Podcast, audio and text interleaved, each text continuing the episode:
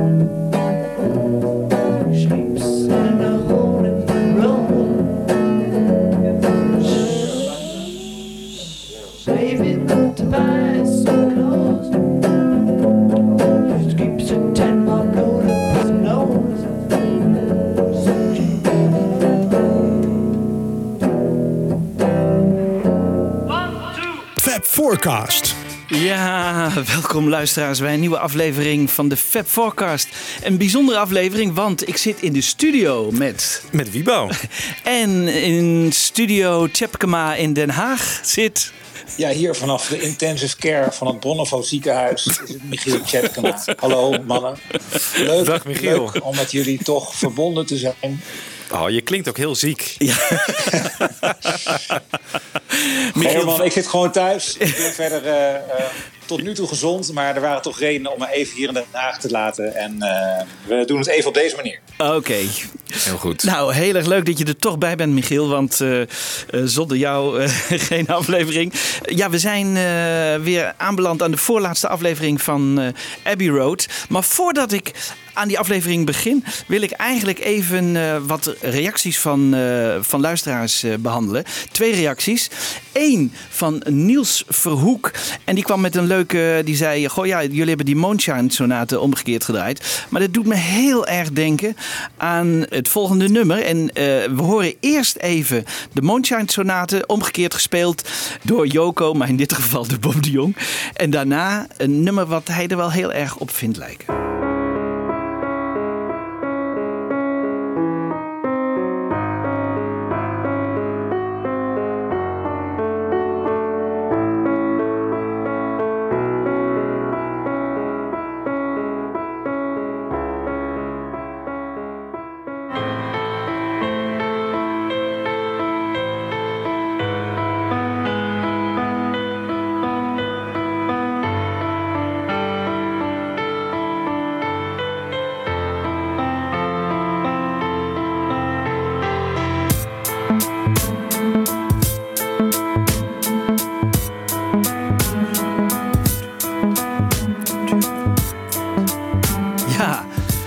Jongens, dit is de groep Royce.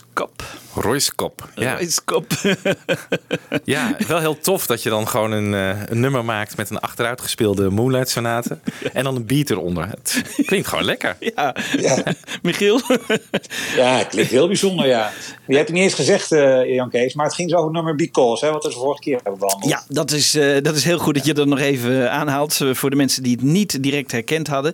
Hierop is eigenlijk Because, althans de backing track van Because, eh, gebaseerd. En eh, dit nummer is natuurlijk wel veel later. Dus die hebben misschien gedacht: Goh, laten we hetzelfde dus doen wat John Lennon deed. En eh, misschien dan nog meer vol. Dit is, ik dacht uit 2005 of zo, dit nummer. Maar het is toch heel leuk. Ik vind het ontzettend leuk, Niels, dat je dit hebt gezien. En, eh, en ons even daarop attent hebt gemaakt. Want kunnen luisteraars ook even horen dat eh, de inspiratie van de Beatles ook door anderen gevolgd is eigenlijk.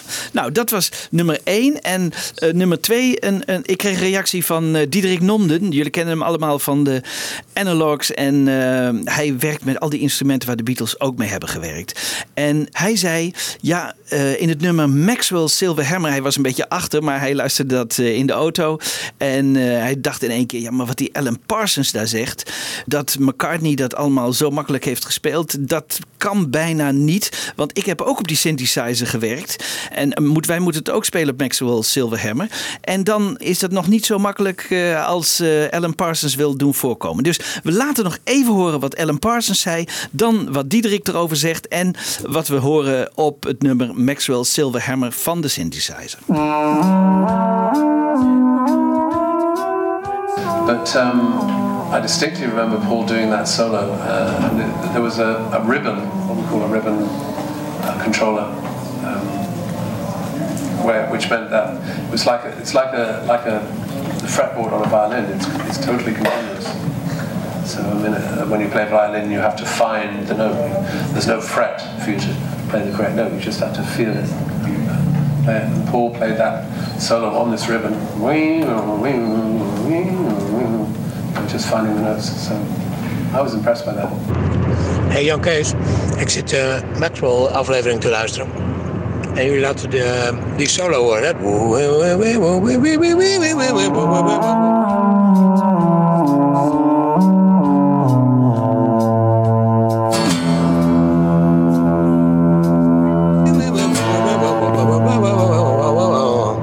Dat Paul dan op die ribbon gespeeld zou hebben. Nou, echt ik durf me er sterk voor te maken dat het, dat het zo accuraat onmogelijk is op een ribbon. Want elke noot is exact gewoon wap op de noot. Zonder enige vibrato of bijsturing. Of hè, met violen glij je meestal. Daarvoor is vibrato uitgevonden. Om, omdat, je, omdat ze vaak niet helemaal accuraat spelen. Dus dan kun je met je vinger, zeg maar, weet je dat met vibrato een soort van mime dat je, dat je wel zuiver speelt. Het lijkt mij sterk dat Alan Parsons dat goed herinnert. Dat hij dat stukje op die ribbon heeft gespeeld. En je hoort echt heel duidelijk het verschil tussen die solo. En het einde dat. Dat is namelijk wel traploos. Dus ik denk nou, ik weet bijna zeker dat dat hij die lijntjes die door de couplet heen gaan, die dan nu de solo genoemd worden, dat die gewoon gespeeld zijn met de vingers op de toetsen. En dat het eindding ook bij die ribbon gespeeld is. Want dat klinkt namelijk wel begeleidend en ook een beetje ernaast en zo.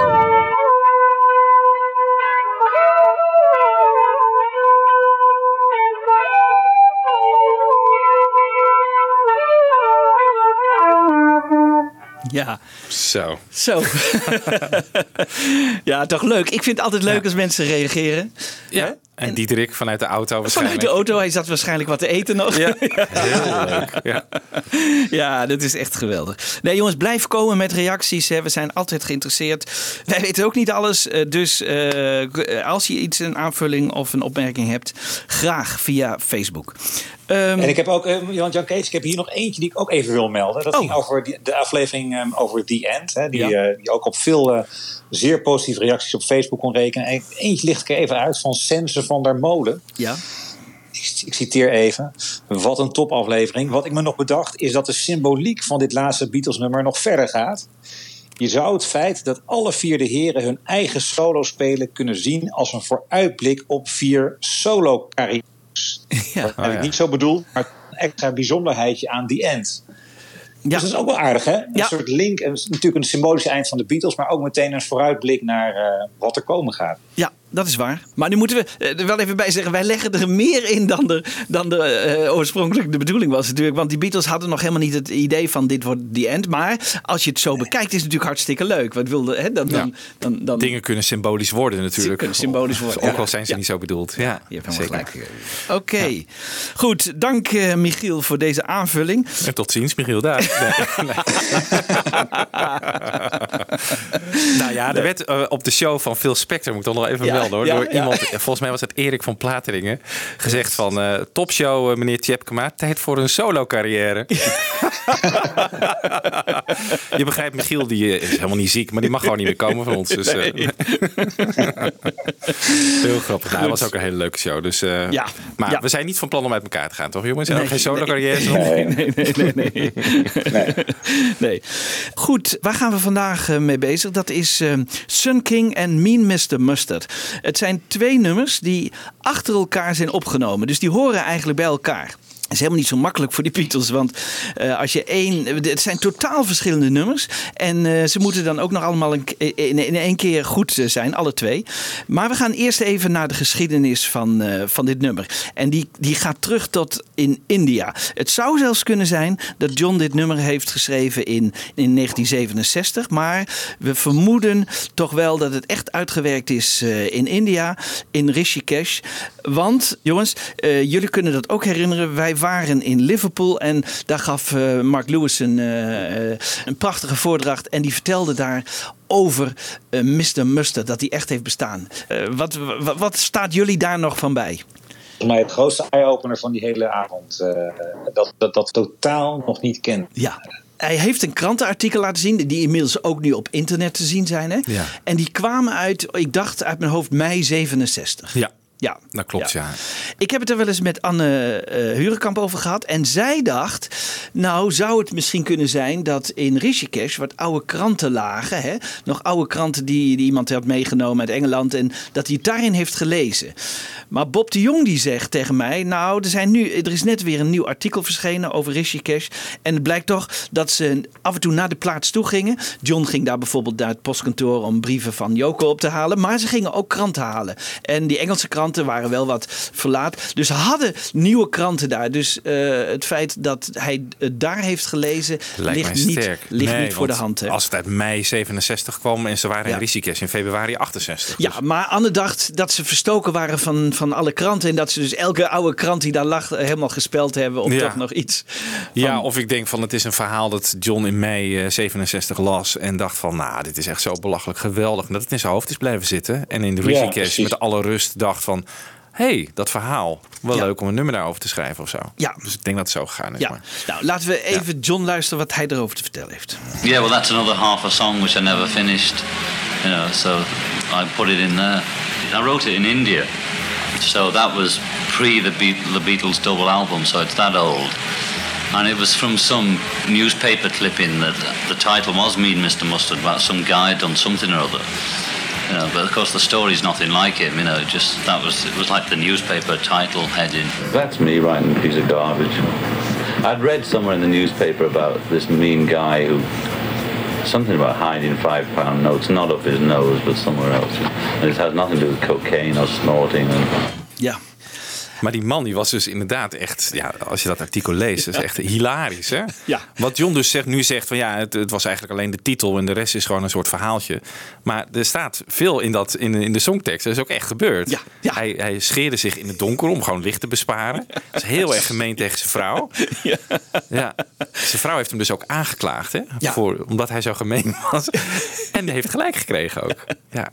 Maar dat is toch bijzonder, jongens, dat 50 jaar na dato. Want je zou denken, nou, dit, dit, interview van John is uit 69, dus dat was over het algemeen bekend. Hè?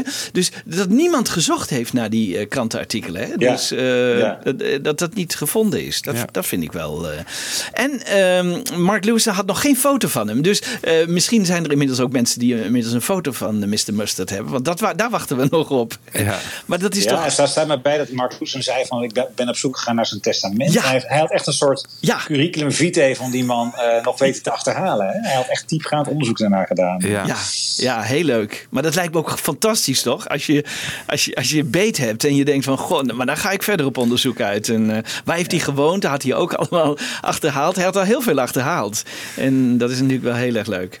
Goed, maar dan schrijft hij dat nummer dus in India. En dan komen ze terug. En dan eind mei hè, bij, bij George thuis nemen ze al die demo's op. En eigenlijk vind ik, eh, vind ik dit misschien nog wel een van de allermooiste eh, versies van eh, Mean Mr. Mustard. Hier hebben ze eh, wat galm achter gezet. Pam heet dan nog Shirley. En misschien, maar ik wil ook even weten wat jullie van deze uitvoering vinden van Mean Mr. Mustard.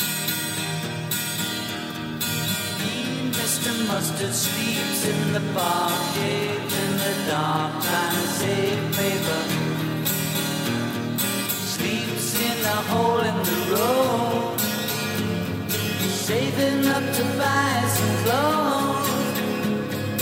Keeps a ten bob note up his nose. He's such a mean old man. Such a mean old man. His sister Shirley works in the shop. She never stops. She's a go-getter. Takes him out to look at the Queen. The only place that he's ever been. Always shouts out something obscene. He's such a dirty old man. Such a dirty old man.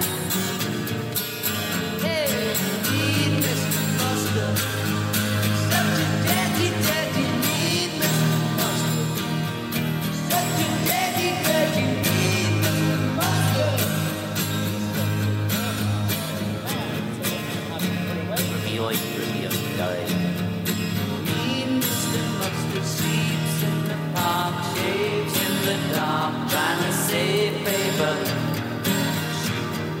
Sleeps in a hole in the road, saving up to buy some clothes. Keeps a ten bob note up his nose. He's such a mean old man. Such a mean old Toch een mooie uitvoering, vinden jullie niet? Ja, vind ik ook. Ja, hè? Ja. Als gitaar wel even mogen stemmen. Maar... Ja, dat is bij de Beatles, en dat hebben we bij die end gehoord, altijd een probleem. Hè? Ja. Maar ik, ik- ik vind het wel mooi, maar ik zit me ook een beetje af te vragen van... stel nou dat je dit... Hè, want hij schrijft het in, in India. Het had dus prima meegekund op de White Album. Ja. Maar stel dat hij dit een beetje zou hebben uitgewerkt... en het was als een nummer op de White Album terechtgekomen... dan had je denk ik zonder meer te maken met een van de minder sterke nummers van Lennon op het album. Daar zijn we denk ik toch wel over eens. Ja. Zeker het einde van Meaning. Nou ja, Ja. eh, Ja. Terwijl in de medley is het perfect op zijn plek. Het, heerlijk, het, het houdt die vaart erin. Eh, het heeft een hele stuwende werking in de medley. Maar als nummer eh, zelfstandig zou het denk ik niet gewerkt hebben. Nee. Nee. John noemt het niet voor niets de piece of garbage. Hè? Dus eh, Ja, wel, in zijn. eh, uit Rishikesh stamt natuurlijk ook eh, Bungalow Bill en Palatine Pam volgens mij ook, toch? Ja. ja, Dus, Ja. En allemaal in de derde persoon eigenlijk nummers. Nummers over anderen. Dat is eigenlijk heel atypisch Lennon. Zeker, heel atypisch Lennon. Ja, Ja, dat is waar. Dat is waar.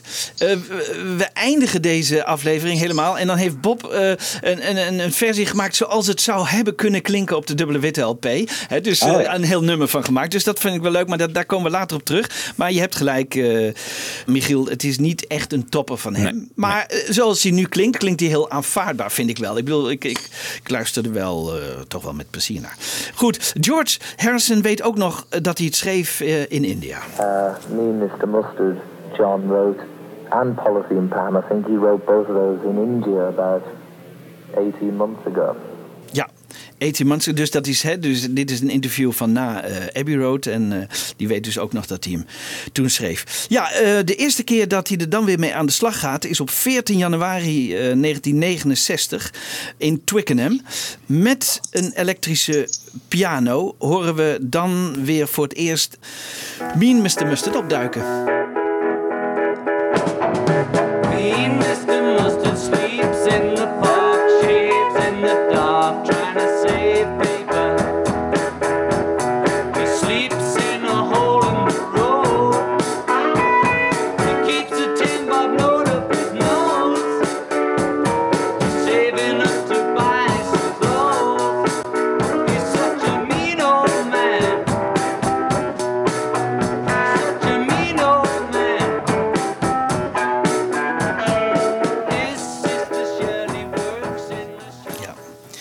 Zo gaat het eh, lange tijd door. Eh, eh, veel versies heeft hij in, in januari gemaakt. En dan gebeurt er iets grappigs. Eh, dan gaan ze dus naar eh, de Apple Studio in Savile Row.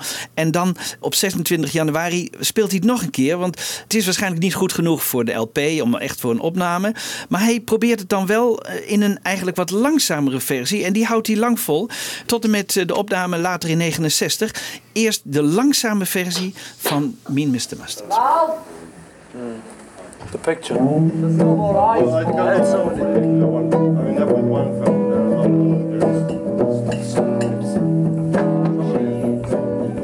trying to save paper.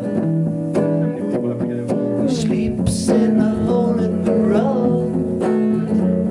He's saving up to buy some clothes.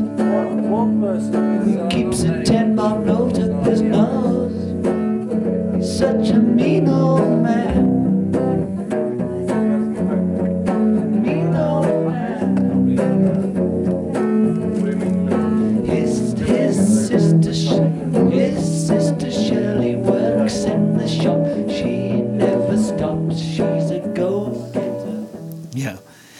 Dit is dus de langzame versie.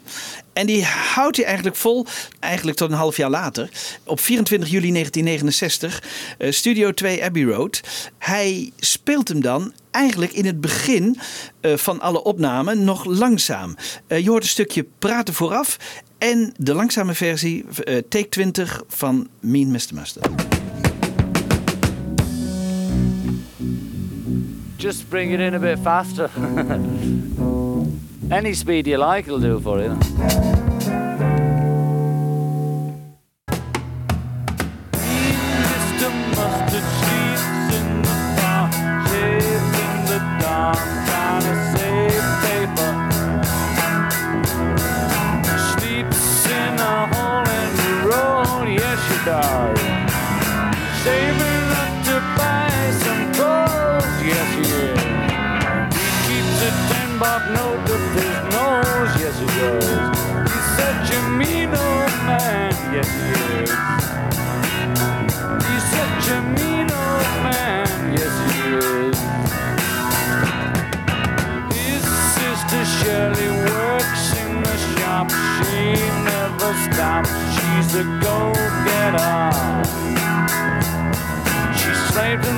To look at the queen. God save the queen. Only place that he's ever been. God save the queen. Always shouts out something obscene.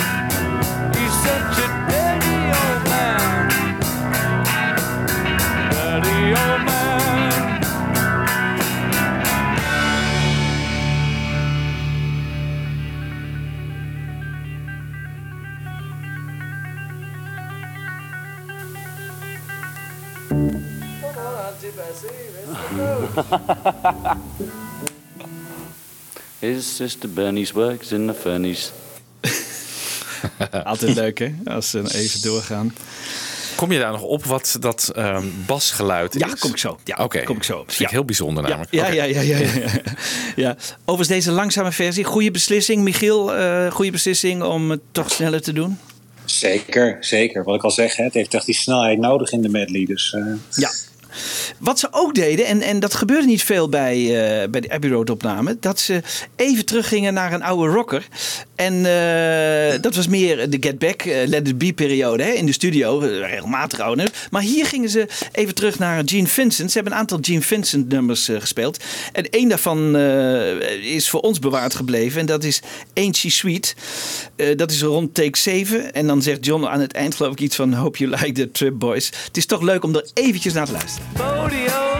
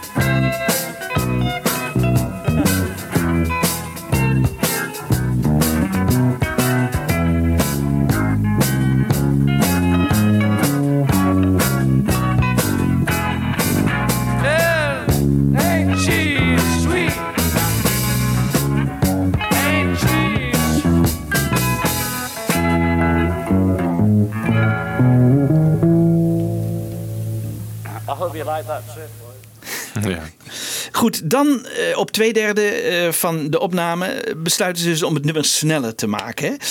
Sister Shirley wordt dan Polythene Pam. Want dan hebben ze inmiddels besloten dat dat één wordt. Hè? Dus Polythene Pam dat hij gaat volgen op Mean Mr. Mustard. Dus hij wil er een soort verband leggen. En vandaar dat hij Pam al naar voren haalt. En ze nemen het, nummer op ehm, in één take. Dus met Sun King, hè, wat ik al zei. Ik heb het wel even veranderd. Ik heb, Sun King ze in principe eerst op en daarna Mean Mr. Mustard. Maar omdat Sun King is eigenlijk het allermooiste. En daar heb ik weer hele mooie dingen met de stem. En vond ik eigenlijk leuk om dat nou, voor het eind te bewaren. Dus ik doe eerst Mean Mr. Mustard. Maar je zei het net al, eh Wibo. ehm, we hebben dus eh, John op slaggitaar. eh, op de Leslie speaker. Hè, dus zo'n speaker die ronddraait. George op eh solo gitaar. Tremolo noemen ze dat. En Paul zet zijn bas op fuzz. Eh, leg even uit, Wiebo, wat is dat? Eh, is dat een, een, een- Ja, ik denk dat het een beetje een overstuurd eh, signaal is van de bas. Ja. Het klinkt als een tuba of zo. Ja. Boem, Ja, boem. ja. ja, Maar hij moet die, die fuzz halverwege omzetten. Hè? Want hij eerst zijn King zonder fuzz bass. En als ze dan met Mean Mr. Mustard bezig gaan, moet hij hem op fuzz zetten. En Ringo op drums. Eh, laten we e- even luisteren naar die opbouw van dit nummer van de backing track.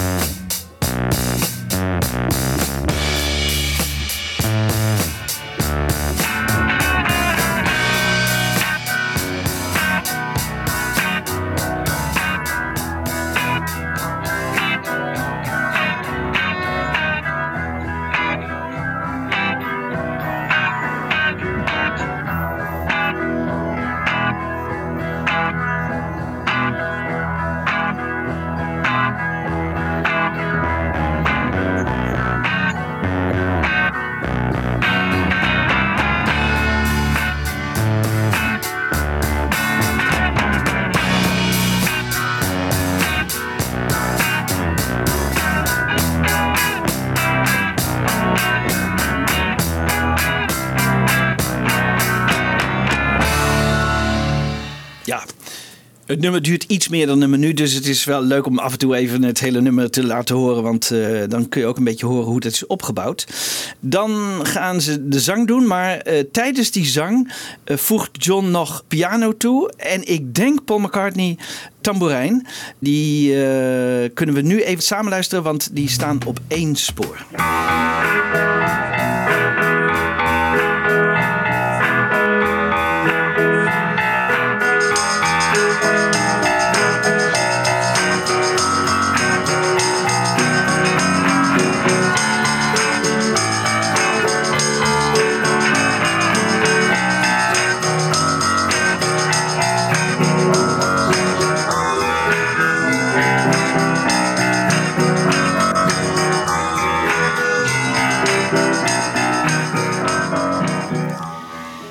Hier hoorde je dus eh, hoe, zij met z'n tweeën eh, nog een extra eh, accent toevoegen. En dan gaat John inzingen. Je hoorde net dat John een beetje slecht bestemd is, maar hier heeft hij zijn stem toch alweer redelijk op orde.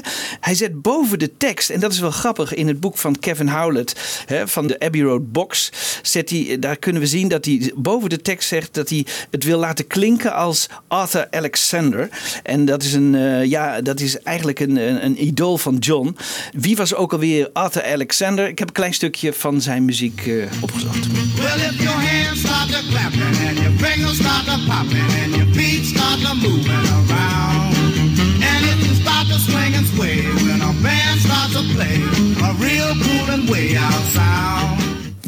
Dus zo wilde John een beetje klinken. Dat is grappig. En dan eh, eh, zingt hij het eerst in eh, zonder ADT. En we weten allemaal dat is artificial double tracking. Dat is een techniek waardoor hij maar één keer hoefde in te zingen. En dan eh, maakte de, eh, een apparaat er een tweede stem van. Die net een beetje afwijkt van zijn eigen stem. En daardoor lijkt het uh, dubbelstem. Maar nu heeft Bob die heeft een verborgen spoor ontdekt. En daar horen we John nog zonder ADT op spoor 6. Hier een fragment. Sleep sleeps in a hole in the road, saving to buy some clothes. Keeps a ten bob note up his nose. Ja, goed. We hadden het net al even over ehm, eh, die- tamboerijn die, we- die we hoorden. Amerikanen maken zich heel druk over die tamboerijn. Dat is op, op sites in Amerika. Ik ben, ben natuurlijk alles gaan nakijken. Hè, wat, wat is er over, over dit nummer geschreven. En, en er, zijn discussies over in Amerika. Eh, want ehm, als Paul zijn tweede stem doet, dan eh, hoor je die, die tamboerijn in één keer bijna niet meer. Bij John blijft hij nog wel hoorbaar. Ik heb even de, de tamboerijn losgemaakt met een computerprogrammaatje. Samen met de stem van John. En je hoort dan ook dat als Paul eigenlijk erbij komt, dat die tamboerijn eh, niet meer eh, te horen is. In the dark trying to save paper. Sleeps in a hole in the road. Saving up to buy some clothes. Keeps a ten bob note up his nose. Such a mean old man. Such a mean old man. His sister Pam works in the shop. She never stops. She's a go-getter. Takes him out to look at the queen. Only place that he's ever been. Always shout out something obscene. Such a dirty old man. Dirty old man. En hoe komt dat nou dan? Dat- Nou, dat laat ik nu even horen. Een Amerikaanse site eh, geeft wat eventuele oplossingen waar het aan zou kunnen liggen. On the next track in the medley, Mean Mr. Mustard, pay close attention to the tambourine, which Ringo begins playing at around 8 seconds. It starts out sounding pretty normal, but after around the 30 second mark, you may notice that the tambourine starts to noticeably drop in volume whenever anyone is singing. Thanks to the 2019 5.1 remix, we can listen to the isolated track of the tambourine and vocals, where this phenomenon is even clearer.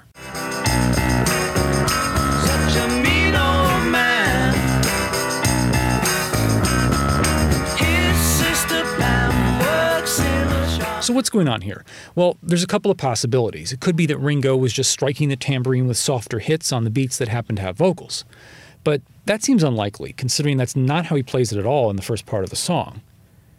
One theory suggests that it was lowered during the mixing process. That is, some engineer at the console was lowering the tambourine so as to not overpower the voice track. Yet another theory suggests that it's the effect of a limiter or compressor, which is a piece of studio equipment. Today it might be a software plugin, used to flatten or compress sound above and below a certain decibel level, so that the loud and softer parts are at a more constant volume. Only place that he's ever been. Whatever the case may be, it's a quirky organic studio anomaly that probably wouldn't have ever slid by in a modern recording studio. Ja, ik heb nog een eigen theorie. Oké. Ik denk dat eh, Paul de tamboerijn heeft gespeeld en dat hij dat deed tegelijkertijd met de piano, want het staat op één spoor. Dus de piano en de tamboerijn staan op één spoor.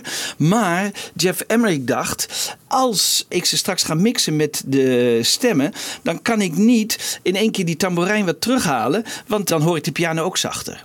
Dus hij heeft waarschijnlijk aan Paul gevraagd: geef even een seintje wanneer jullie zingen. En, dat, en Paul deed vooral eh, wanneer hij de tweede stem, dus dat is iets later. Vooral wanneer hij de tweede stem, maar hij stinkt die tweede stem helemaal mee. Dus die geeft gewoon een seintje aan, aan Jeff Emmerich in de controlekamer.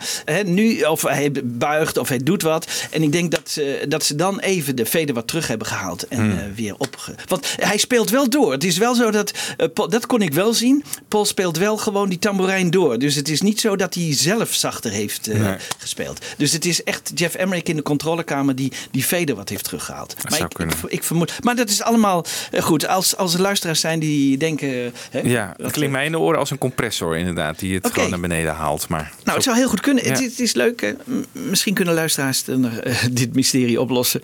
We zijn benieuwd. Altijd benieuwd naar reacties. eh. Goed, ze gaan inzingen. Ja. En eh, eh, links John met ADT, dus eh, dubbele John, die het één keer inzingt en eh, via de technieken voor de tweede eh, zorgt. En rechts Paul als tweede stem. Voor het eerst gescheiden Mean Mr. Mustard. Mean Mr. Mustard sleeps in the park, shaves in the dark, trying to save paper. Sleeps in a hole in the road, saving up to buy some clothes. Keeps a ten bob note up his nose. Such a mean old man. Such a mean old man. His sister Pam works in the shop. She never stops. She's a go-getter.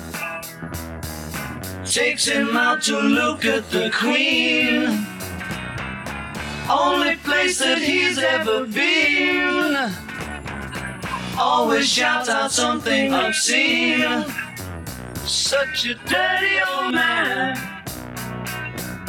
Dirty old man. Ja, ik denk dat ze dit tegelijkertijd samen hebben opgenomen. En dat, ehm, dat Paul dat miste bij Come Together. Hè? Hij heeft wel gezegd van, eh, ja, goh, ik, ik had ook zo graag eh, eh, samen gezongen met John. En maar tegenover elkaar gewoon, eh, dit, dit is wat Paul heel graag wilde. Hè? En dat, dat horen we straks bij, eh, bij Sun King natuurlijk nog veel mooier. Dus je ziet ze bijna tegenover elkaar staan en met, met de koptelefoon op en dit inzingen. Ja, dan het originele einde van Mean Mr. Mustard. Een laatste akkoord die niet meer hoorbaar is, want het wordt gevolgd door eh, Her Majesty in de originele mix.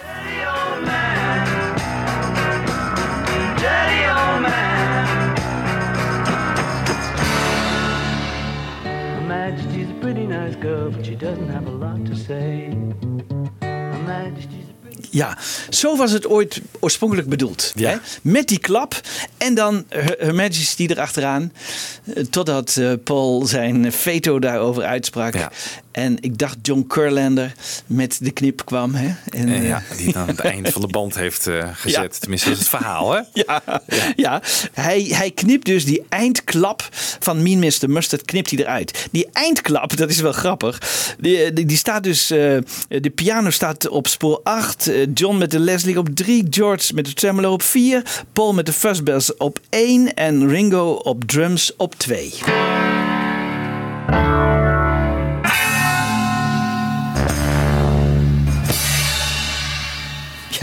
Mooie montage, Jan Kees. Ja, ja, ja.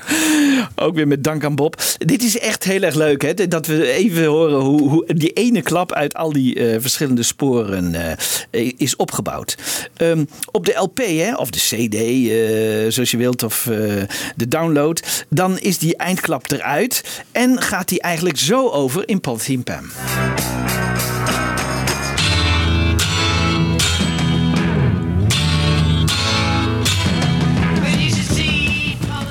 Ja, waarom eh, hebben ze die eindklap eruit gehaald? Want als je die eindklap erin had gelaten, dan zou het zo hebben geklonken.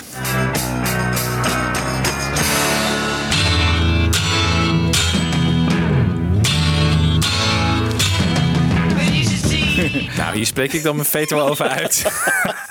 nee. Hoe ze het gedaan hebben is echt veel beter op die, op die klap. Ja. Dus Paul heeft toch eh, intuïtief de goede keuze gemaakt. Want hij, hij is echt, ze zijn gaan knippen, maar niet in de originele banden zijn ze gaan knippen, maar wel eh, in de mixband. Hè, eh, maar het was een goede keuze. Ja, absoluut. Ja, Ja, hij knalt er gewoon lekker in. Precies op het goede moment. Volgens mij de toonsoort ook. Ja, ja. Dat past ook. Ik weet niet. Ja, het Dus- klinkt gewoon goed. Nou, Oké, oké. Maar ik, ik wilde toch even laten horen, als ze het hadden laten staan, hè, wat er dan was eh, gebeurd.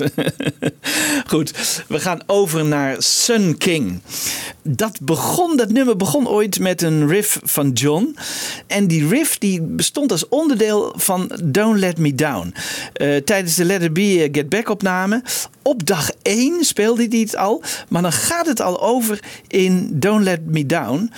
Want dat kun je hier eigenlijk heel goed horen. Deze sound.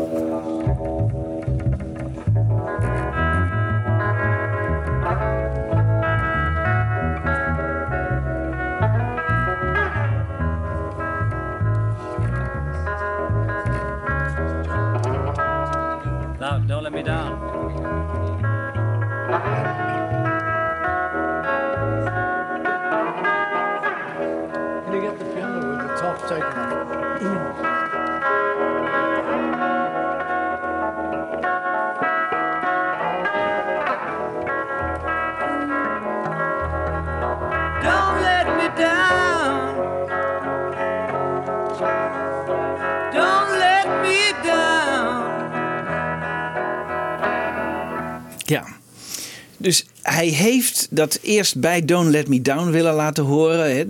En uiteindelijk zijn er twee nummers geworden. En dat Ja. is wel heel bijzonder. Maar die eerste dag maakt hij het ook al zelfstandig. Dus hij heeft op één dag eigenlijk al besloten... nee, misschien is die, die riff toch wel veel leuker als zelfstandig nummer. Hij noemt het dan al Here Comes the Sun King. Heel erg leuk, want eh, dan bestaat het nummer Here Comes the Sun nog helemaal niet. Hè. Die wordt pas later eh, opgenomen en, en ook van titel voorzien. Dus hij noemt het Here Comes the Sun King. En daar, daar zijn vele theorieën over. Gaat het over de zonnekoning, waar hij misschien net een boek over heeft gelezen?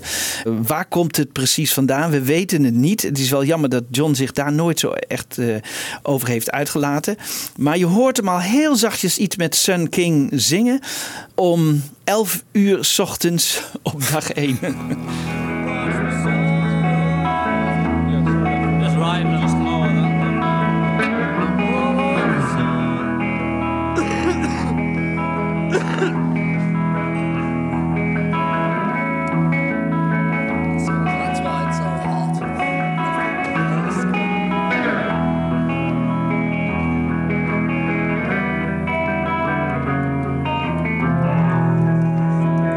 11 o'clock.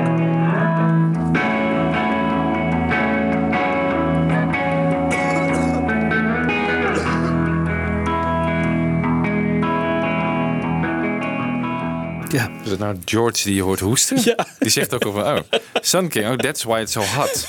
Ja. Ik denk dat hij wat onder de leden had, hè? Ja. ja, John, eh, wat grappig. John die bleef het eigenlijk eh, tot en met Abbey Road Here Comes the Sun King noemen. Maar het- ik denk dat om, om verwarring te voorkomen dat ze het hebben genoemd eh, Sun King uiteindelijk eh, op de LP.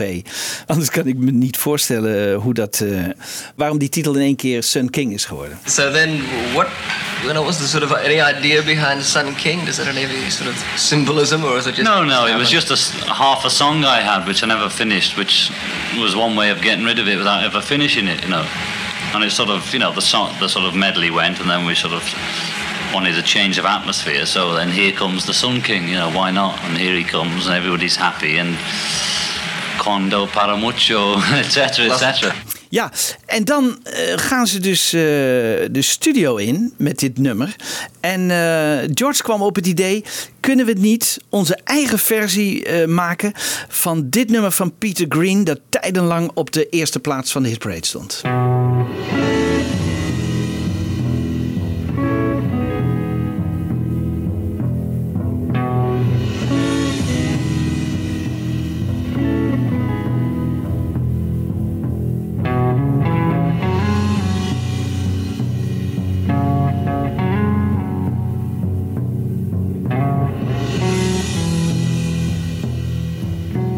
Albatross, hè? Albatross. Fleetwood Mac. En dit komt uit begin 69? Begin 69, eind 68, begin 69, ja. Ja, Ja, maar ze hadden dus nog niet in eh, bij de Get Back Let It Be opname. Hè. Toen hadden ze dat nog niet besloten om het. eh, maar dit is Nee. echt een, een idee van George eh, ten tijde zo juli, eh, hè, juli 69. eh. Oh ja. Dus de basis werd eh, gelegd voor eh, deze versie van, eh, van Albatross door de Beatles.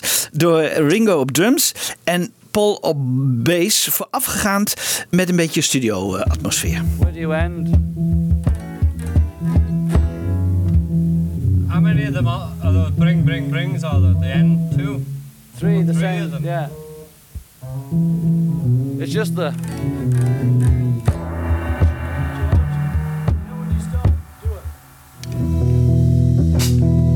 Save it by the bell on your own carousel.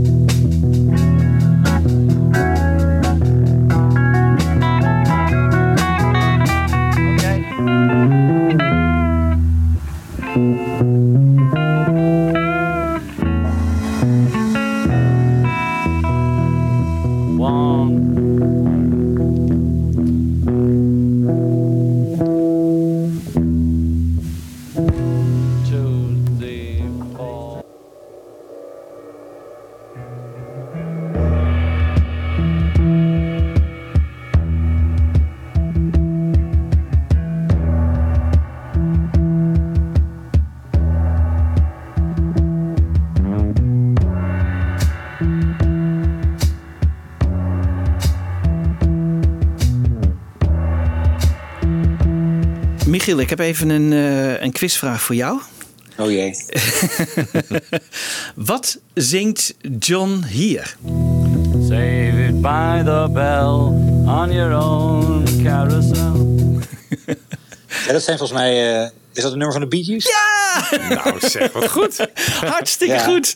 Ja, ja, ja, je bent geslaagd met vlag en wimpel. ja, Robin Gibb, hè, die, die had zijn eigen, zijn eerste solo-single volgens mij, Save by the Bell, in juni 69. Eh, ja, en Michiel die kent zijn klassiekers, want dit is Robin Gibb.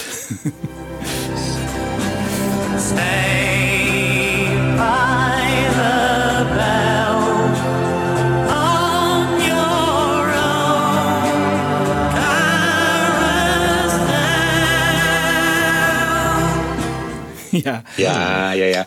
Hey, Jan Kees, nog even, want, want we hebben het toch over andere artiesten nu. Wie was er nou binnen die Beatles zo onder de indruk van dat Albatross? Was het nou meer John of was het meer George? was meer George, ja. ja, George. Oh, ja. Want ik hoor George ook altijd eh, refereren aan... dat is ons Albatross en zo. Dus het is echt eh, George geweest, eh, ja. Eh, John Lennon die heeft ook wel eens iets verteld over eh, eh, Fleetwood Mac... en eh, hun inspiratie eh, van Albatross. En dat vertelt hij hier in dit interview. Well, track in the medley is the Sun King song. Um, Uh, that's where we, we pretend to be Fleetwood Mac for a few minutes. See, we did the, the introductions, we call it the sun riff, know, the little instrumental bit was like Fleetwood Mac before we start singing. Then we did it again on the end, so when we came to sing it, to make them different, you know, so it wasn't just the same riff. Maar John is toch nog niet helemaal overtuigd dat dit een eh, succes wordt, dit nummer. Want hij zegt voorafgaande in de studio, hè, dat ze aan het praten een beetje met elkaar zijn, zegt hij: eh, ah, Dit is niet eh, wat al het Apple-personeel de komende tien jaar aan het werk houdt, zegt hij dan. dat is wel heel grappig. al die families waar, wij moeten, voor, waar wij voor moeten zorgen. Dat is natuurlijk in die periode hè, waarin Alan Klein natuurlijk schoon schip probeert te maken. En al, dus er werken veel te veel mensen bij Apple. En, en dus dat houdt ze dan op dat moment bezig. En dan zegt hij op een gegeven moment eh, dat George Martin gek wordt. Dat is ook wel grappig. Dus dat is echt Jo- John Lennon. Hè? En dan horen we eh, links eh, George op gitaar en rechts John op gitaar. Ik heb ze weer een beetje terug moeten brengen naar hun originele spoor. Want George Martin die had de neiging om tijdens het spelen spoor 3 naar spoor 4 te brengen. Spoor 4 weer naar 3 en weer terug en weer heen en terug. Nou, dat, ik heb ze gewoon op hun eigen spoor gelaten. Links George, eh, rechts John. Now, this won't keep the Apple staff in work for the next 10 years, lads. We've got all those families to look after, you know. A lot of people to keep. Okay. Fab gear. Some earphones. George is getting silly, George. Sir, George is getting silly. Can't find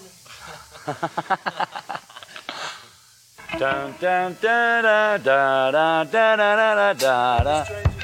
Oh, yeah. Da, da, da, da. Let's see. okay. One, two, three, four.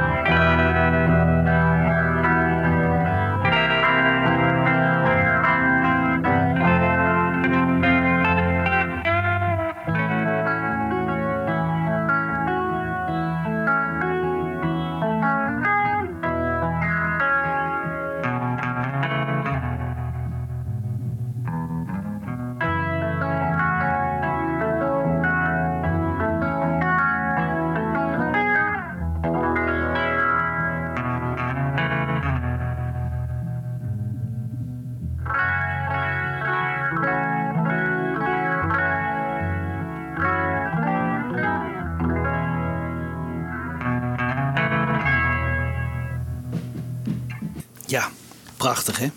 Heel erg mooi, ja. Ja. Dat gitaarlijntje dat eh, de zangmelodie doet, dat, dat hoor je eigenlijk helemaal niet in het eh, origineel. Maar Nee. mooi dat... Dat het nu... wel. eh, dat het, ja. Ja. ja, leuk hè? Echt, heel leuk. Ja.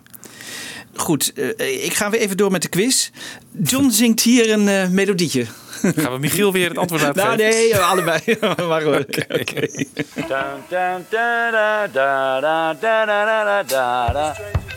Oh ja. du, du, du, du. Jongens, Nou, dit is een moeilijker. De- Deze is moeilijker. Hè?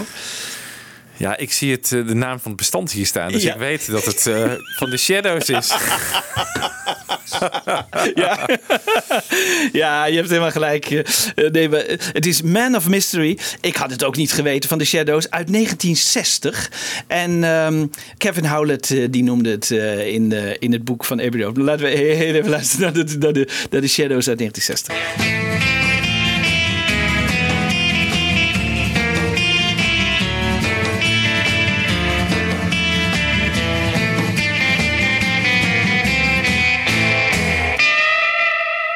Je snapt ook wel weer een beetje waarom John daar aan denkt natuurlijk. Want die gitaarsound is wel Ja. eh, vergelijkbaar. Ah, ja, ja.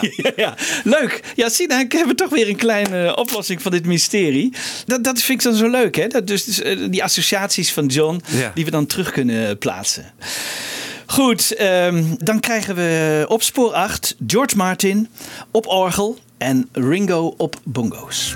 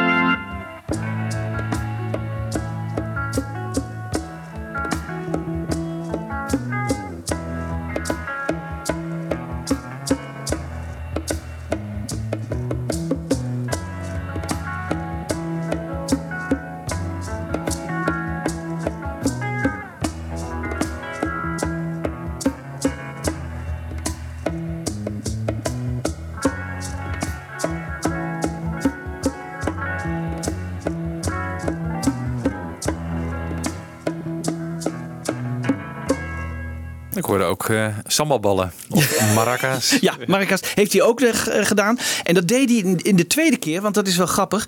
Je hoort in het tweede gedeelte van dit orgel, hoor je een, een dubbel orgel. En heeft George Martin dus dubbel gespeeld. Hè? Hmm. Dus, Ah. eh, en zo hebben ze dat eh, opgenomen. Hij en toen speelt heeft het hij wel ook gelijk... perfect, hè, George? Het is ja. echt heel mooi. ja, het is Ja, heel mooi. Ja, hij speelt heel goed, ja. Ja, Zeker. hij heeft heel mooi gespeeld. Ja, ja, ja, ja. En dan heel leuk, jongens. Want eh, John heeft het nummer dus veel lager ingezongen dan we het nu kennen. En dat weten we bijna zeker. En dat is wel heel erg leuk. Dus eh, zo heeft John het, eigenlijk het nummer oorspronkelijk bedoeld.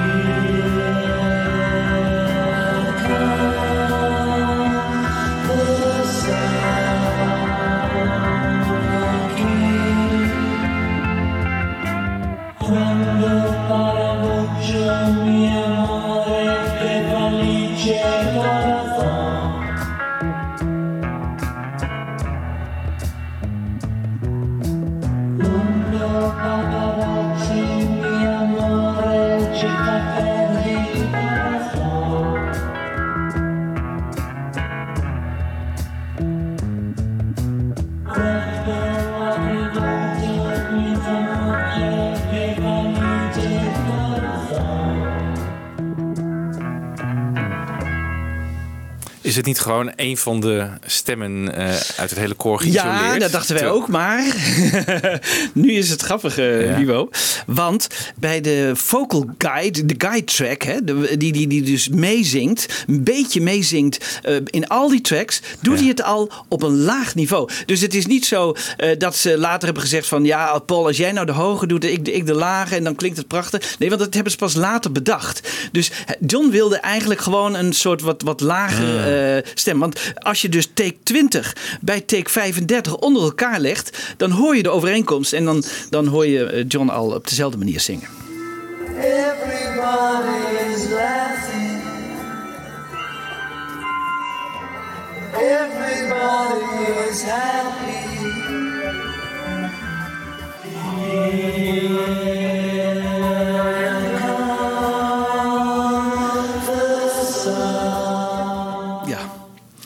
Hier hoor je dus eh, dat hij eh, ook in het begin al bedacht, nou ongeveer zo moet het klinken.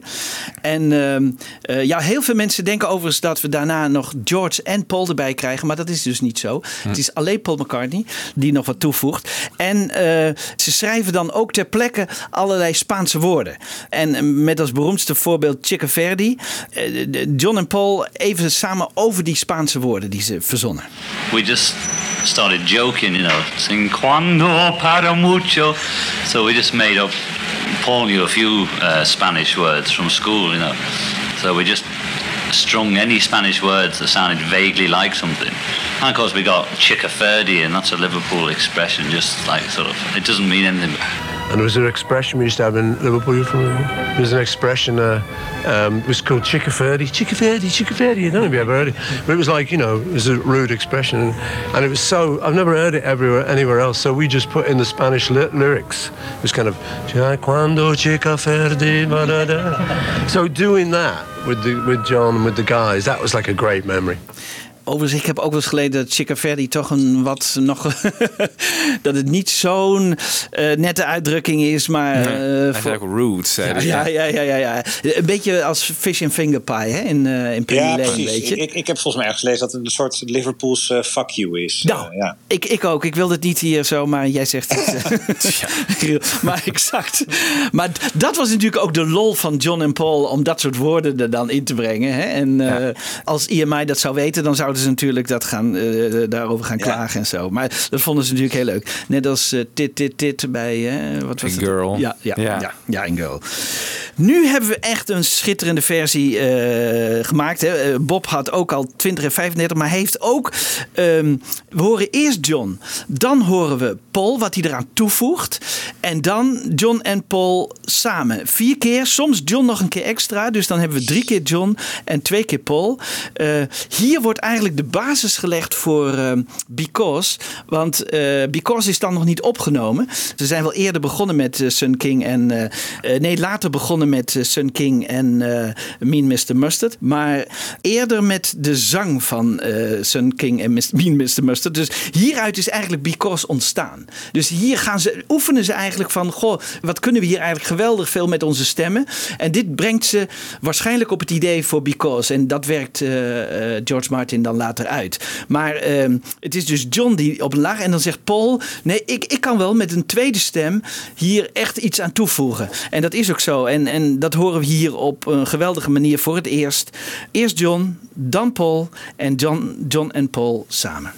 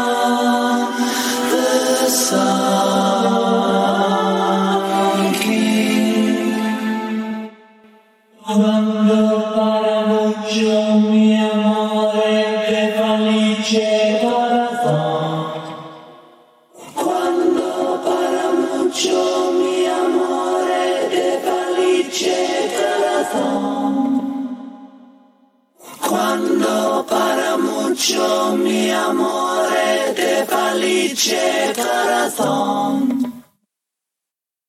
Mundo paparazzi, mi amore ci fa perdere il corazón. Mundo paparazzi, mi amore ci fa perdere il corazón. Mundo paparazzi, mi amore ci fa perdere il corazón.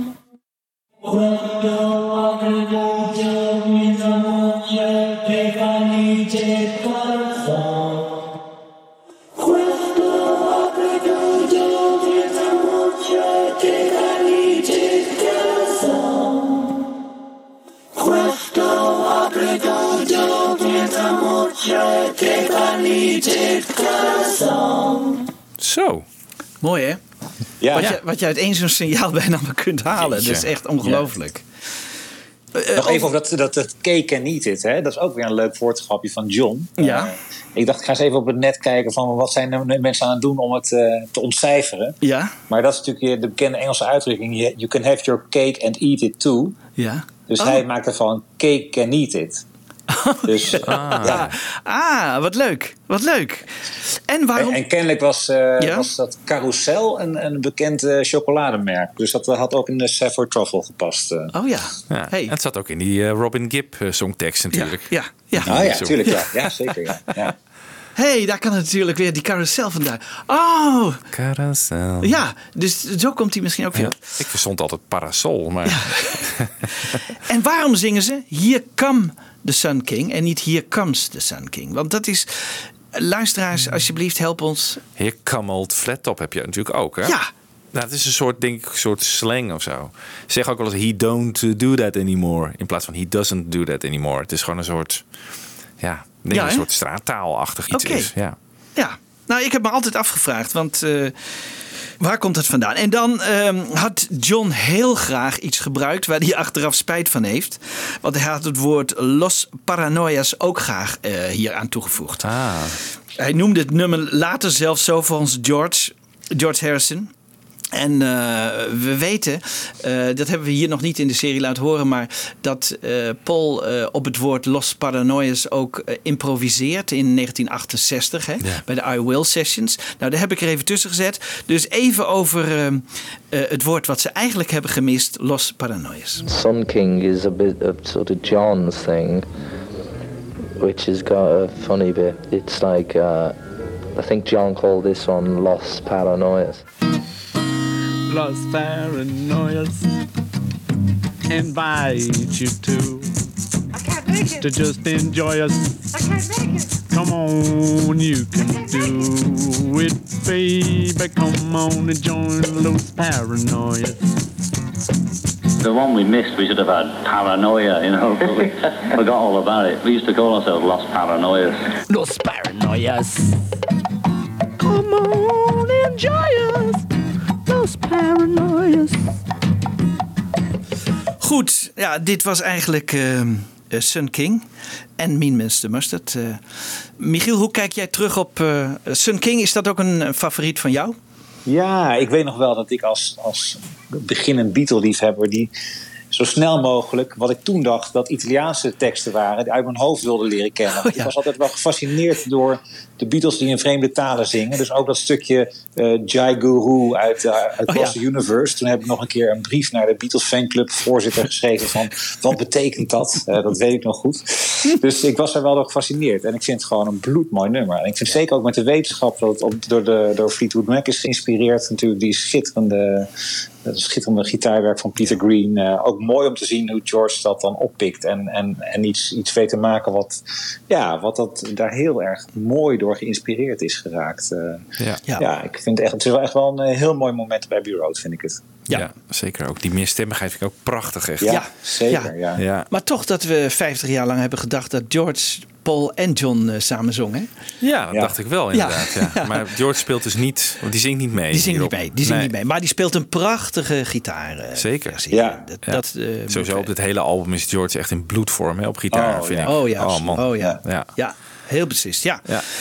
Nou, we sluiten af met een lange versie van, eh, van Bob. Eh, Bob de Jong, weer bedankt eh, Bob voor al je bijdrage hier.